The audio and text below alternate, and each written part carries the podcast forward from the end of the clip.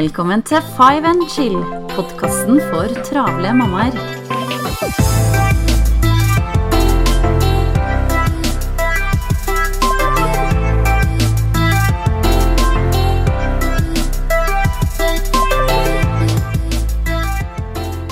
I dag så vil jeg snakke litt om eh, begrepet chill. Som jeg nevnte forrige uke, så er det viktig å finne en balanse i hverdagen for å klare å komme seg gjennom hektiske uker uten å bli helt utslitt og helt tom for energi allerede på tirsdag. Det som ofte er veldig fristende, er å flate ut foran TV-en, og det er òg ganske deilig og ikke minst nødvendig til tider. Men når man ser på TV, så setter man hjernen litt mer på pause. Den fyller seg ikke med noe konstruktivt. Det avhenger jo selvfølgelig av hva du ser på TV, men ofte så blir det jo et reality-program eller en TV-serie eller lignende. Hjernen flytter egentlig bare litt fokus, altså til det som skjer på TV-en. Så når du er ferdig med å se på TV, så har du egentlig ikke fått noe påfyll av energi, men du har kobla den ut en stund. Hvis du f.eks. har en utfordring i forbindelse med f.eks. jobb som du må løse, så vil du nok mest sannsynlig ikke kunne løse det ved å ligge og se på TV, men du har utsatt prosessen ved å slippe å tenke på den på et par timer.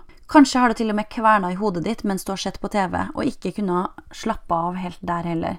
Men problemet vil jo da bli, tru meg, det her har jeg brent meg på ganske mange ganger, ved å ikke ta tak i den situasjonen som du må løse, så vil du kanskje ligge og tenke på det også gjennom hele natta. Så det jeg legger i ordet chill, da, er rett og slett avkobling av hjernen, samtidig som den fyller seg på med energien.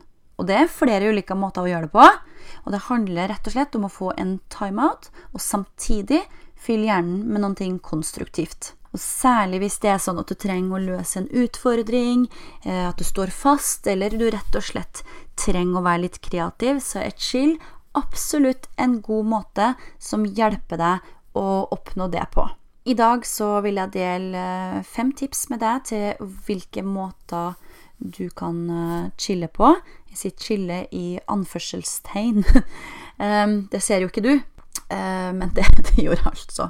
Du har helt sikkert hørt de før. Men spørsmålet er om hvor ofte bruker du? Bruker du de i det hele tatt?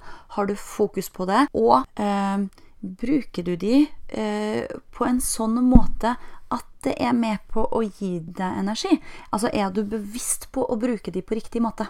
Så nummer én mediter. Og jeg veit at det er for mange veldig vanskelig med det her med å meditere. Og for meg så var det også en stor utfordring som jeg måtte overvinne. Og det er rett og slett fordi at jeg gikk på høygyr hele tida. Altså var kjempeeffektiv gjennom dagen. Og så, og så når jeg skulle prøve å sette meg ned og slappe av, prøve å teste ut denne mediteringa, så klarte jeg rett og slett å ikke lande. Jeg klarte ikke å slappe av i det hele tatt. Men så lærte jeg et uh, tips om å uh, for det første fokusere på pusten min, men også telle.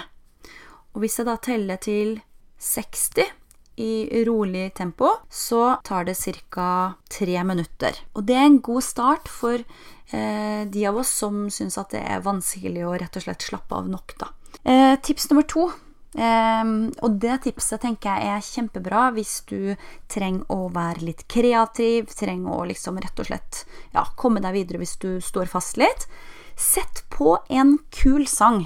Og uh, hvis du danser samtidig, så får du den bevegelsen også, så vil det gi deg masse energi, og du vil være da klar etter kun fem minutter, eller kanskje bare sangen, så vil det gi deg nok energi til å komme deg videre. Tips nummer tre gå deg en tur. Hvis du trenger å løse en utfordring, eller trenger bare å koble av litt og, og ja, rett og slett når du er sliten om kvelden. Og greia er jo det at når du går ut, får frisk luft, og så etter hvert, når du også får den bevegelsen, så begynner hjernen å jobbe på riktig måte, sånn at du får eh, satt i gang noen gode tanker. Og vips, så har du i løpet av en halvtimes tur, da, times tur, kanskje løst den utfordringa eh, som du hadde før du gikk ut. Tips nummer fire ta deg et bad. Og det er jo utrolig deilig hvis man skal bare koble av og ta en thaimat, rett og slett. Tips nummer fem les en bok. Um, spiller for så vidt ikke noen rolle hvilken bok du velger, bare det er noen ting som er fengende for, for deg. Det må være fengende, da, tenker jeg. Som du kjenner at du Å, dette her var inspirerende å lese, eller rett og slett bare avslappende å lese. Som sagt så har du sikkert eh, hørt de eh, tipsene her før om eh, Og sikkert gjort flere av de. Prøv nå fremover å sette litt i eh, sammenheng og bruke de bevisst ut ifra eh, hvilken situasjon du står i. Eh, prøv å koble av den TV-en en stund, og så prøv å ja, lese en bok, meditere, høre en kul sang. Uh, whatever. Teste ut. Og by the way, jeg kjører akkurat i gang nå en uh, månedschallenge uh, på travelmamma.no.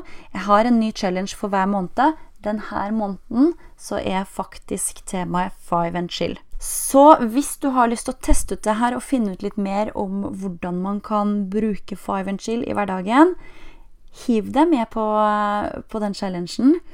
Og så kan vi dele enda mer eh, erfaringer og tips med hverandre. Og så, ja, ses vi igjen om ikke lenge.